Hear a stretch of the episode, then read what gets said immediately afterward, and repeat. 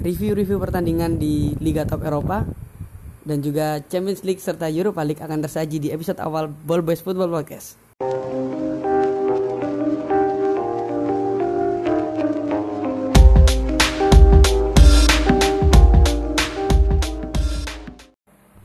Setelah sendirian di minggu lalu, berjibaku sendirian di area pertahanan lawan, kali ini ditemani oleh sang tandem kesayangan saya, sang pandit sebat, tangan kanan memegang rokok dan tak jarang mencekik Joni dengan tangan kirinya.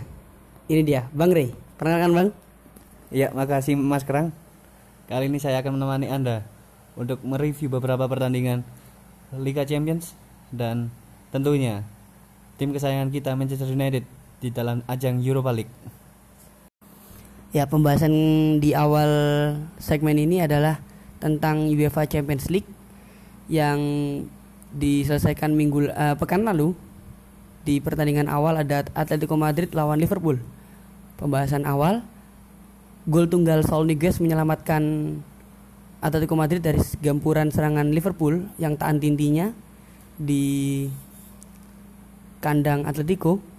Tapi alhasil uh, strategi yang diterapkan oleh sang juru taktik Atletico dengan memakai parkir bus atau parkir triple bus atau ya apalah itu namanya berhasil membendung serangan Liverpool dan mematikan sang kreator serangan Trent Arnold. Gimana nih komentarnya Bang Rey? Ya, benar sekali Bang Mas Erdin. Di mana Diego Simeone berhasil menerapkan taktik parkir bus yang dilakukan ketika melawan Liverpool.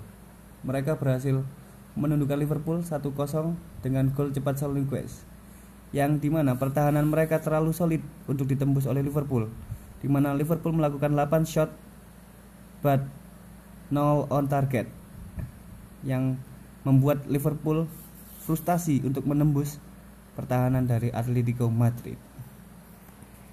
Akurasi umpan yang dicatatkan di statistik menunjukkan 67% milik Atletico uh, memang benar-benar uh, memperlihatkan bahwa Atletico itu benar-benar menerapkan parkir bus ya.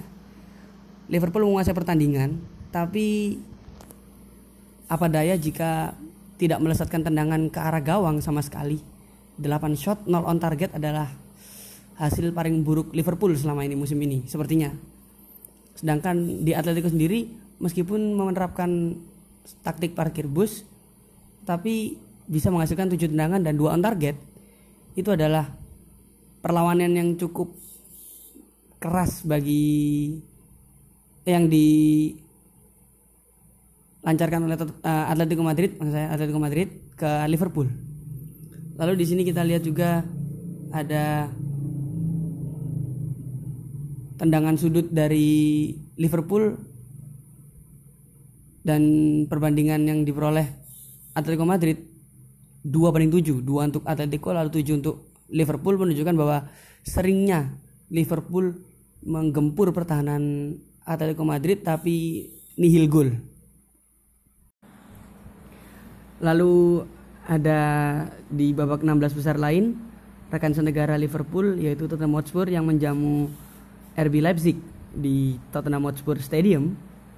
Takluk akhirnya oleh gol semata wayang yang diciptakan oleh Tim Werner dari titik putih setelah Sabitzer sang kapten kalau nggak salah itu dilanggar di kotak penalti oleh Ben Davis makanya Ben Davis mendapat diganjar kartu kuning dan berbuah tendangan penalti. Komentar dari Bang Rey untuk pertandingan ini kalahnya Tottenham gimana Bang? Ya ini merupakan hasil yang mengejutkan bagi Tottenham di mana mereka harus takluk di depan ribuan fansnya di Tottenham Hotspur Stadium di mana mereka harus takluk dengan asuhan Julian Nagelsmann dengan skor 1-0 di mana ini merupakan sebuah kejutan bagi RB Leipzig di mana mereka adalah tim promosi Bundesliga pada empat tahun lalu di mana RB Leipzig ini baru berhasil promosi ke Bundesliga dan sekarang berhasil meraih kemenangan perdana di fase 16 sistem gugur 16 besar Champions League. Di mana ada catatan menarik sang juru taktik asal Jerman ini Julian Nagelsmann yang masih berusia 32 tahun. Dan menariknya RB Leipzig ini meningkat, menempati peringkat ketiga di Bundesliga di mana mereka mencatatkan 45 poin dengan tertinggal 4 poin selisih 4 poin dari pemuncak klasmen sang juara bertahan Bayern Munchen dengan torehan 49 poin di mana RB Leipzig masih memiliki satu pertandingan tersisa yang kemungkinan mereka akan menempel ketat sang juara bertahan dengan selisih satu poin jika mereka memenangkan pertandingan pada esok hari. Bisa dilihat dengan jelas dengan absennya Haji Kane dan Haji Son eh, dengan kekalahan yang diterima Tottenham Hotspur bahwasanya dua pemain ini adalah dua pemain yang sering menjadi pemain andalan Tottenham Hotspur di mungkin lima tahun ke belakang sudah menjadi selama lima tahun ini sudah menjadi pemain andalan di kubu Tottenham punya. Ya benar sekali di mana absennya mereka berdua membuat Mourinho memasang Lucas Moura di tengah berdampingan Dele Ali di belakang Lucas Moura di lini serang. Ini merupakan efek yang sangat merugi- merugikan Tottenham di mana sang pemain asal Korea Selatan ini lagi on fire. Benar sekali kan? Di mana musim ini Son Heung-min sangat bersinar sekali dengan torehan-torehan golnya. juga didukung dengan Lukas Moura yang tidak terlalu gemilang untuk menjadi seorang starter atau sebagai pemain andalan di kubu Tottenham. Karena ya mau gimana lagi. Maksudnya striker Tottenham kan eh, Harry Kane itu kan benar-benar memiliki finishing yang beringas di depan gawang kan. Sedangkan Lukas Moura tidak memiliki insting gol yang sebesar Harry Kane. Makanya eh, Tottenham seperti kesulitan gelagapan saat melawan eh, RB Leipzig pada wak- waktu itu Ini merupakan has- apa? kejutan yang besar dan berat untuk Tottenham di mana mereka akan bertandang ke Jerman. Di Jerman di mana diprediksi akan mengalami kesulitan untuk meraih kemenangan di hadapan ribuan fans RB Leipzig. Ya, lalu di sisi lain ada Atalanta. Atalanta lawan Valencia dengan skor akhir 4-1. Skor yang mengejutkan bagi publik sepak bola melihat tim seukuran Atalanta berhasil mencuri kemenangan di kandang sendiri. Eh, sangat mengejutkan menurut saya karena tim sekelas Atalanta berhasil menyulitkan Valencia bukan menyulitkan ini mengobok-obok Valencia dengan selisih defisit gol 3 3 gol menurut Bang Rey gimana Bang? Ya menurut saya Atalanta ini merupakan tim kuda hitam di kompetisi UCL tahun ini di mana mereka berhasil meraih posisi ketiga musim lalu yang dengan poin di atas Inter dan sekarang menempati peringkat keempat di klasmen Serie A Italia musim ini di mana kegemilangan seorang pemain Joseph Ilicic yang membawa Atalanta musim lalu berhasil menembus skuad menembus posisi ketiga dan masuk ke zona UCL. Dua gol yang diciptakan Hetebur sangat eh, berarti bagi Valencia untuk memperlebar jarak di pertandingan ini. Lalu man of the match pada pertandingan ini Bang Rey Menurut saya pantas karena dua gol yang dilesatkan oleh Hans Hadebur cukup melumatkan Valencia di hadapan publik San Siro sendiri. Di mana mereka berhasil melumatkan Valencia dengan skor telak 4-1 dengan dibalas sebiji gol melalui tendangan Rodrigo Moreno. Ya, kita beralih ke pertandingan lain. Ada dua pertandingan sisa yang akan kita bahas adalah pertandingan yang sangat eh, bisa dibilang pertandingan besar di babak 16 besar ini.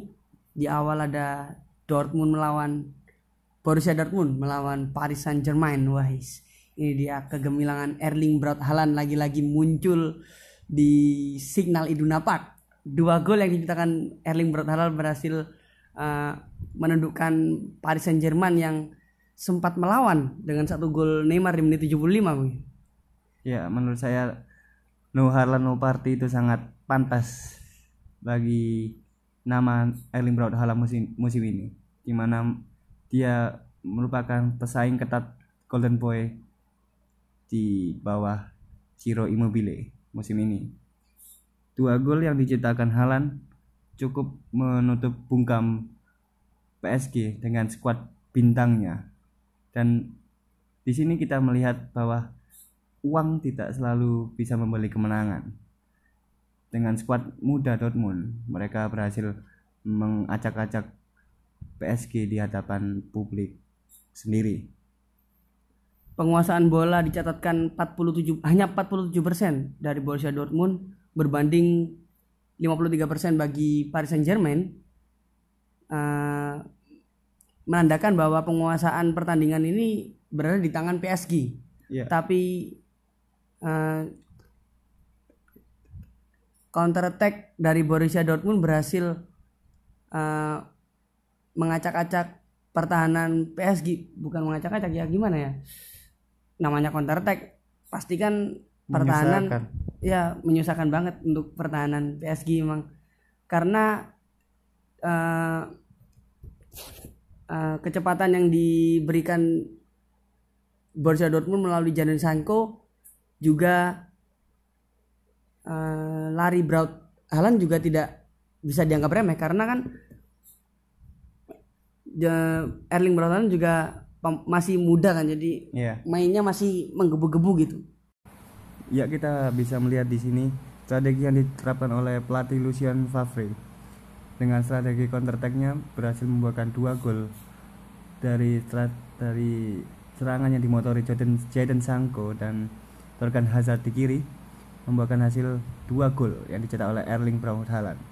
Ya kita bisa melihat bahwa strategi counter attack ini masih berjalan kasar ya, maksudnya yeah. belum mulus.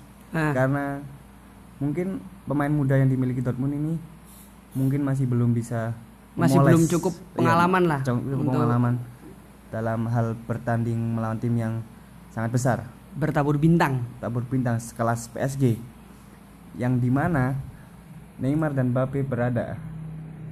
Kita bisa melihat di mana di sini kedua tim memasukkan skuad yang full tim. Skuad terbaik mereka skuad sudah terbaik mereka di... dilancarkan dengan formasi 3-4-3 yang dilancarkan PSG. Bukti bahwa mereka melakukan full attack di mana mereka memasang tiga penyerang Neymar, Di Maria dan Mbappe. Namun kali ini sang Golden Boy Kylian Mbappe Latin tidak berkutik di hadapan tidak bisa berbuat apa-apa publik Jerman. Marco Verratti dan gue di tengah masih belum bisa memberikan servis-servis yang diinginkan Neymar dan Mbappe di lini di lini serang. Lalu Thomas Meunier juga dibuat kesulitan oleh Torgan Hazard dan Guerrero di sisi kiri serang Dortmund. Lalu ini kita bisa melihat Emre kan merupakan Emre pembelian yang sangat sukses menurut saya sejauh ini karena beberapa pertandingan sebelumnya ia berhasil memasukkan gol ciamik ke gawang lawan membuat pertandingan hari ini sangat cukup seru di mana Emre kan berhasil menguasai lini tengah Dortmund dan mengatur serangan Dortmund untuk mengalihkan bola ke Jadon Sancho dan Torgan Hazard. Lalu di sisi lain di Liga Kasta kedua Eropa, UEFA Europa League mempertemukan Getafe yang berhasil menundukkan Ajax di kandang dengan skor 2-0. Gol masing-masing diciptakan oleh Daverson dan juga Robert Kennedy di menit akhir di akhir laga yang menutup skor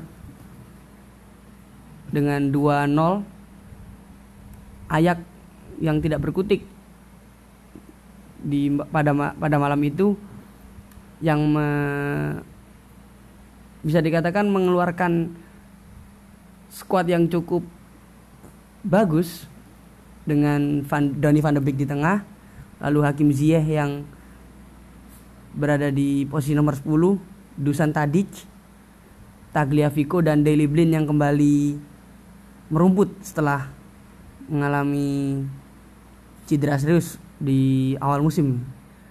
Komentarnya Ba- Bang Rey Ya, begini Mas Kerang. Ini merupakan hasil yang mengejutkan bagi Ajax, di mana musim lalu mereka menempati semifinalis, berhasil menembus semifinal melawan Tottenham Hotspur, namun sayangnya mereka gagal.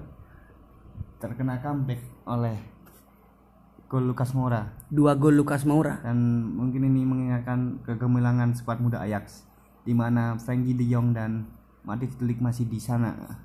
Ini memperlihatkan kelem- makin melemahnya Ajax di musim ini di mana mereka tidak berhasil menembus 16 besar UCL dan kali ini mereka kalah di 32 besar UCL leg pertama di Spanyol.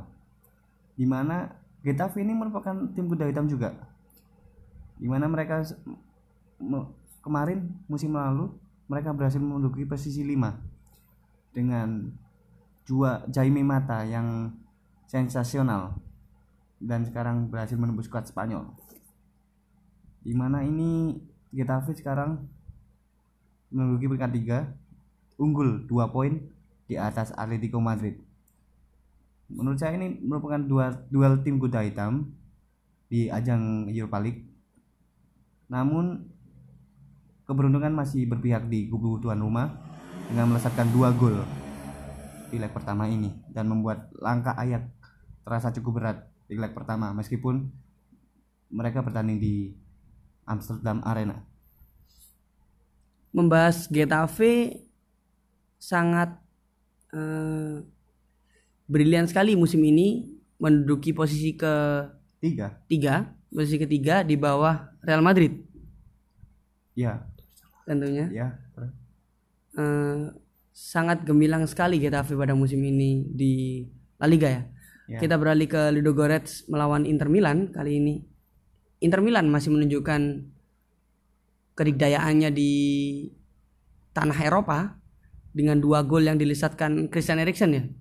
ya, Christian Eriksen lalu Romelu Lukaku yang berhasil menjebol gawang Ludogorets setelah menerima umpan yang sangat cemi, agak eh, cemerlang dari Christian Eriksen. ya, Satu gol, satu assist Christian Eriksen menempatkan dia menjadi man of the match pada malam itu ya, Bang. Ludogorets benar-benar tidak berkutik di depan dukungnya sendiri. pendukungnya sendiri melawan Inter Milan. Kita masih bisa melihat bahwa Lukaku semenjak keluar dari The Red Devils dia berhasil menunjukkan kecemerlangannya dengan beberapa torehan torehan gol yang cukup banyak di musim ini dibanding bersama Manchester United di musim lalu. Dengan dua gol Inter yang dilesarkan ini membuat mereka di atas angin ketika mereka akan bertanding di San Siro pada leg kedua nanti. Di mana Inter masih menunjukkan bahwa mereka masih disebut tim besar Eropa meskipun bermain di kasta kedua seperti halnya Manchester United tim kesayangan kita semua. Kegemilangan Inter tidak lepas dari eh, permainan yang gemilang dari lini tengah yang ada di kubu Inter Milan, Vecino dan juga Christian Eriksen. Bisa dibilang memberikan servis-servis yang bisa dianggap bagus untuk lini depan Inter Milan apalagi Inter didu- eh, memiliki pemain deng- dengan insting gol yang cukup berbahaya di lini depan ada Lautaro Martinez dan Romelu Lukaku. Lalu di lini belakang Inter Milan juga cukup kokoh ya. ya dengan formasi tiga backnya Ya, Diego Godin meskipun berumur masih bisa bersaing di paling enggak di tanah Eropa dia masih menunjukkan bahwa dia adalah Salah back satu- yang cukup tangguh. Iya. Tua-tua keladi di Serie A ya. Iya. Sangat mungkin sangat cukup bagus dalam hal statistik. Beralih ke pertandingan selanjutnya langsung aja disambung pertandingan yang bisa dibilang cukup mengherankan bagi para pendukung setianya satu sama jadi skor akhir. Klub Brugge lawan Manchester United. Klub yang paling ampas saat memilih pemain di laga-laga seperti ini, Bang. Komposisi pemain yang disodorkan oleh iya sang juru taktik sangat menurut saya sebagai eh, pendukungnya United cukup mengherankan memasang dua pemain terbaik mereka Jesse Lingard dan Andin Andrinho Pereira. Sangat-sangat mengherankan. Saat stad- eh, squad dirilis melihat Andreas Pereira dan Jesse Lingard turun. saya sangat wah. Pesimis sekali ya. Ya gitulah. Untung saja Anthony Martial masih eh, bisa membawa MU eh, on fire masih terbawa suasana gol sundulan melawan saat melawan- Chelsea. di Premier League waktu itu. Komentarnya Bang Rey? Ini kita bisa melihat bahwa Ole Gunnar Solskjaer lagi-lagi menunjukkan bahwa ia masih belum bisa dianggap pelatih yang sangat mumpuni bahwa ia tidak bisa membuat setan merah unggul dalam leg pertama melawan klub Brugge di hadapan pendukung klub Brugge sendiri. Kita bisa melihat komposisi pemain yang dilakukan oleh Manchester United sangat-sangat tidak wajar dengan random di mana mereka memasang 5 back dengan dua back sayap Brandon Williams dan Diogo Dalot. Untungnya sang striker andalan mereka Anthony Martial berhasil menyamakan kedudukan di menit ke-36 berhasil memanfaatkan kelemahan back Brugge saat melakukan tendangan lemparan ke dalam dan berhasil mengecoh sang kiper yang dulu pernah dibuat malu ketika dia menjalani debut di Manchester United yaitu Simon Mignolet sang mantan penjaga punggawa Liverpool. Dan membuat MU masih bisa memiliki kesempatan yang besar untuk bisa menang menangkan pertandingan leg kedua di publik Old Trafford.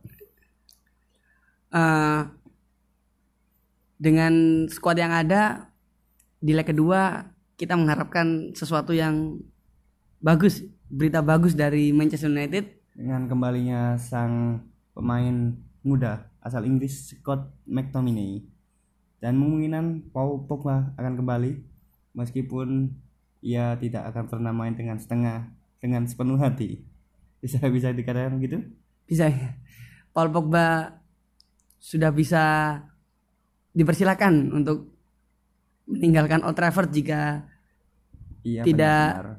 jika tidak bermain sepenuh hati jika bermain masih setengah hati di Manchester United. di Manchester United kita bisa menunjukkan jalan keluarnya langsung saja kembali ke Italia yang Menurutnya rumah kedua. hmm, begitulah Dan menurut saya ini merupakan kegemilangan dari seorang Sergio El Papi Romero yang berhasil me- mengamankan jalannya untuk kedua kalinya. Meskipun berhasil meskipun penyerang-penyerang klub Brugge berhasil menembus pertahanan Manchester United yang digawangi oleh Dennis sang penyerang yang pernah membobol gawang Real Madrid di pendukungnya sendiri dan merayakan golnya dengan selebrasi ala Cristiano Ronaldo. ya s- selesai di UEFA Europa League kita beralih ke Premier League. Premier League sebagai eh, liga yang bisa dibilang kompetitif di pekan ke 26 lalu eh, ada pertandingan Arsenal melawan Newcastle United dengan skor telak 4-0 Arsenal eh, bisa dibilang sudah berjalan di tren positif setelah ditukangi Mikel Arteta. Kegemilangan di kegemilangan Arsenal di, bisa dilihat dengan kembali eh, kembalinya Mesut Ozil dengan permainan terbaiknya? Dengan melesatkan satu gol satu di pertandingan itu. sekian lama tidak mencetak gol 25 bagi- laga. 25 laga baru mencetak gol saat mal- malam malam itu saat melawan Newcastle. Itu sama saja dengan satu tahun lebih ya? Iya satu tahun lebih mungkin. Tidak memainkan pertandingan sekalipun. Eh, Laka Impact. Masuknya Laka Z berhasil me- membuat permainan Arsenal eh, kembali hidup setelah di menit 65 sampai ke menit 80 Arsenal sedikit kewalahan dengan gempuran serangan Newcastle yang dipimpin oleh Joe Linton dan Saint Maximin. Wes.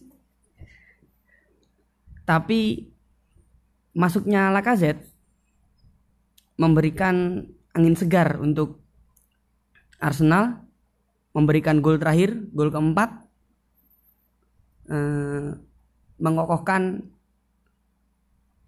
Arsenal di peringkat ke-10 permisi nih peringkat ke-10 di Mana itu posisi paling buncit dari the big four? Ya di klasemen Liga Inggris.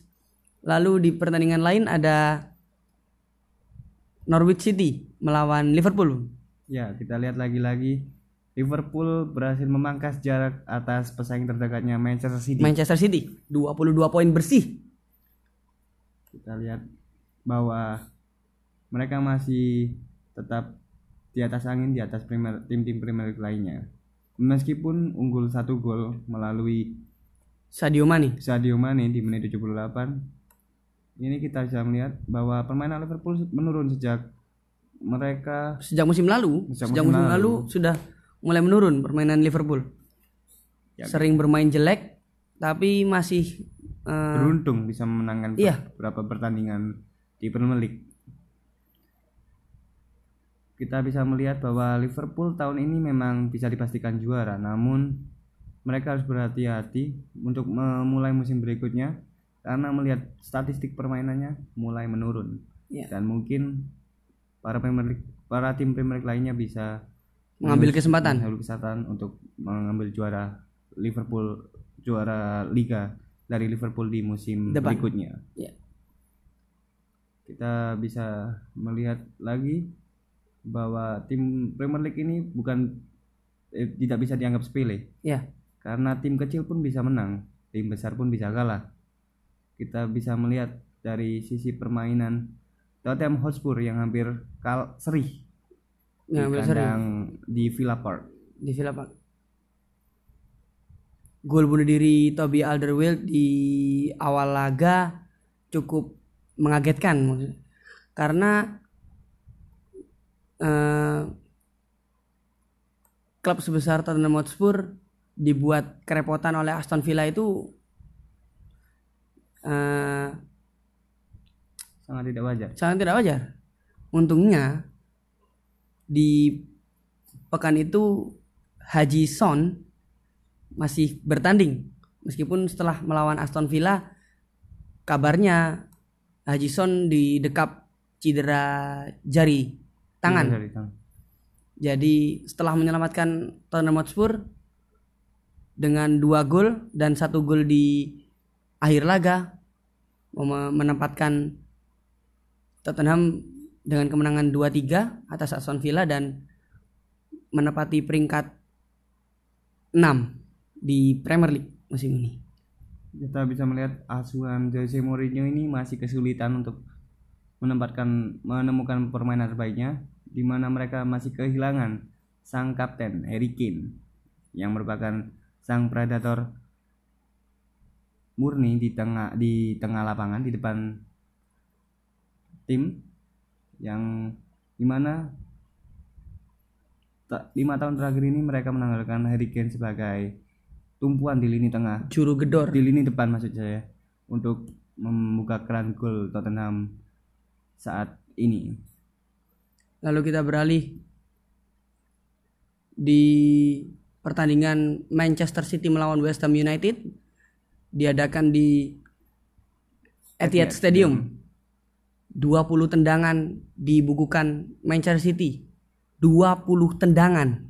20 shot, 7 on target adalah eh, statistik yang bisa gila itu kiper eh, statistik yang berat sebelah untuk lawan West Ham yang membukukan hanya tiga tendangan. dan nol shot on goal Nah, penguasaan bola dikuasai oleh Manchester City hampir 80%, Gila, menguasai menguasai pertandingan dengan 896 operan, akurasi umpan mencapai 91%, sangat eh, tidak mengagetkan bagi klub sekelas Manchester City. Susunan pemain dari Manchester City juga cukup bergelimang pemain bintang. ya. Ya, Kita- kembalinya Laporte menjadi eh, eh, menjadikan pertahanan Manchester City lebih kokoh. tenang, lebih kokoh. Karena memang kegemilangan back yang satu ini sangat ditunggu-tunggu oleh Pep Guardiola. Dengan cederanya di awal musim ini. Kan. membuat City inkonsisten ya? Ya, mendapatkan Fernandinho sebagai pengganti Laporte. Mau tidak mau Fernandinho yang dipakai menjadi back tengah. yang membuat tidak efektif dan kita bisa melihat dengan hasil ini mereka berhasil memangkas jarak dengan Liverpool selisih 22 poin meskipun itu cukup mustahil untuk menyalipnya. Namun mereka masih bisa dibilang ada di gelar perebutan juara meskipun mustahil. Di sini kita bisa melihat formasi 5-3-2 yang diterapkan West Ham yang diasuh oleh David God Moyes kita bisa melihat mereka akan menerap eh mereka menerapkan posisi eh strategi bertahan sangat-sangat bertahan yang Ya, di mana sang lawan tim yang dijuluki dengan possession tertinggi di Premier League dan di sisi di kubu Manchester City Kevin De Bruyne berhasil menunjukkan bahwa dia gelandang kelas dunia world class midfield. Satu gol satu assist. satu gol satu assist yang disematkan Kevin De Bruyne dan assist yang di Diberikan ke, diberikan ke Rodri, Rodri Hernandez. Hernandez. di menit ke 62 membuat Citizen unggul 2 gol atas tamunya West Ham United. Lalu kita beralih ke pertandingan Yang ditunggu-tunggu hasil yang mengembirakan bagi kita semua. sebelum hasil lain di UEFA Europa League setelah lawan Chelsea ini eh, agaknya bisa membuat menutup pekan ini tidak terlalu buruk bagi pendukung Manchester United. 2-0 menjadi skor akhir. Eh, tiga kali bertemu Chelsea tiga kali menang adalah hal yang sangat brilian bagi Manchester United. Satu-satunya klub di Inggris yang berhasil menghabiskan Chelsea di kandang maupun tandang. Manchester United adalah lawan yang sulit bagi, The Chelsea. Ya. Dua gol diciptakan dari kaki dari kaki maksud saya dari sundulan, semua dari sundulan kan? Iya, Sundulan Anthony Martial dan Harry Maguire. Eh, set piece dari corner diberikan dari eh, dari kaki Bruno Fernandes ke kepala Harry Maguire adalah gol sundulan yang akhirnya kita tunggu-tunggu setelah beberapa tahun lalu tidak tercipta gol seperti itu. Komentarnya, Bung? kita bisa melihat di sini ini merupakan pertandingan yang cukup kontroversial menurut beberapa orang di mana The Blues sebenarnya berhasil membukukan membukukan dua gol sebelum VAR memutuskan untuk tidak gol atas dua gol yang diciptakan yang akan disematkan oleh Kurzoma dan, Kurzoma dan Olivier Giroud. Oliver Giroud yang sebelumnya dianggap pelanggaran dan offset. Offside. Kita bisa melihat impact dari Bruno Fernandes sangat besar sekali bagi lini tengah Bruno bagi lini tengah Manchester United. Iya. Di mana ia berhasil membukukan satu assist di pertandingan kali ini. Pemain asal Portugal ini sangat-sangat signifikan tampaknya bagi Manchester United sejak kedatangannya pada akhir Januari kemarin. Iya. Memasang 5 back lagi-lagi dengan dua back sayap Aaron Wan Bissaka dan Brandon Williams di kiri membuat The Blues kesulitan untuk mencuri gol saat menjamu Manchester United di Stamford di Bridge. Stamford Bridge. 17 kali diciptakan tendangan oleh The Blues tapi tidak berbuah gol. Satu on hanya satu on target. Lalu di sisi lain Manchester United membukukan 9 shot, 3 on target. Penguasaan dikuasai penguasaan bola dikuasai oleh Chelsea dan jika dilihat statistik secara gamblang Chelsea menguasai pertandingan. Kita Tapi Manchester United mencuri kemenangan. ini bisa dikatakan kembalinya Eric Bailey merupakan faktor yang cukup signifikan ya bagi kubu United membuat lini depan Chelsea kesulitan untuk menembus pertahanan dari Manchester United it- itu sendiri. Kita bisa melihat dengan satu on target duet Harry Maguire dan Eric Bale Bailey membuat lini depan The Blues sangat sangat terdiam dengan dimotori oleh Michi Batshuayi di depan dan kiri di kiri ditempati oleh William Borges.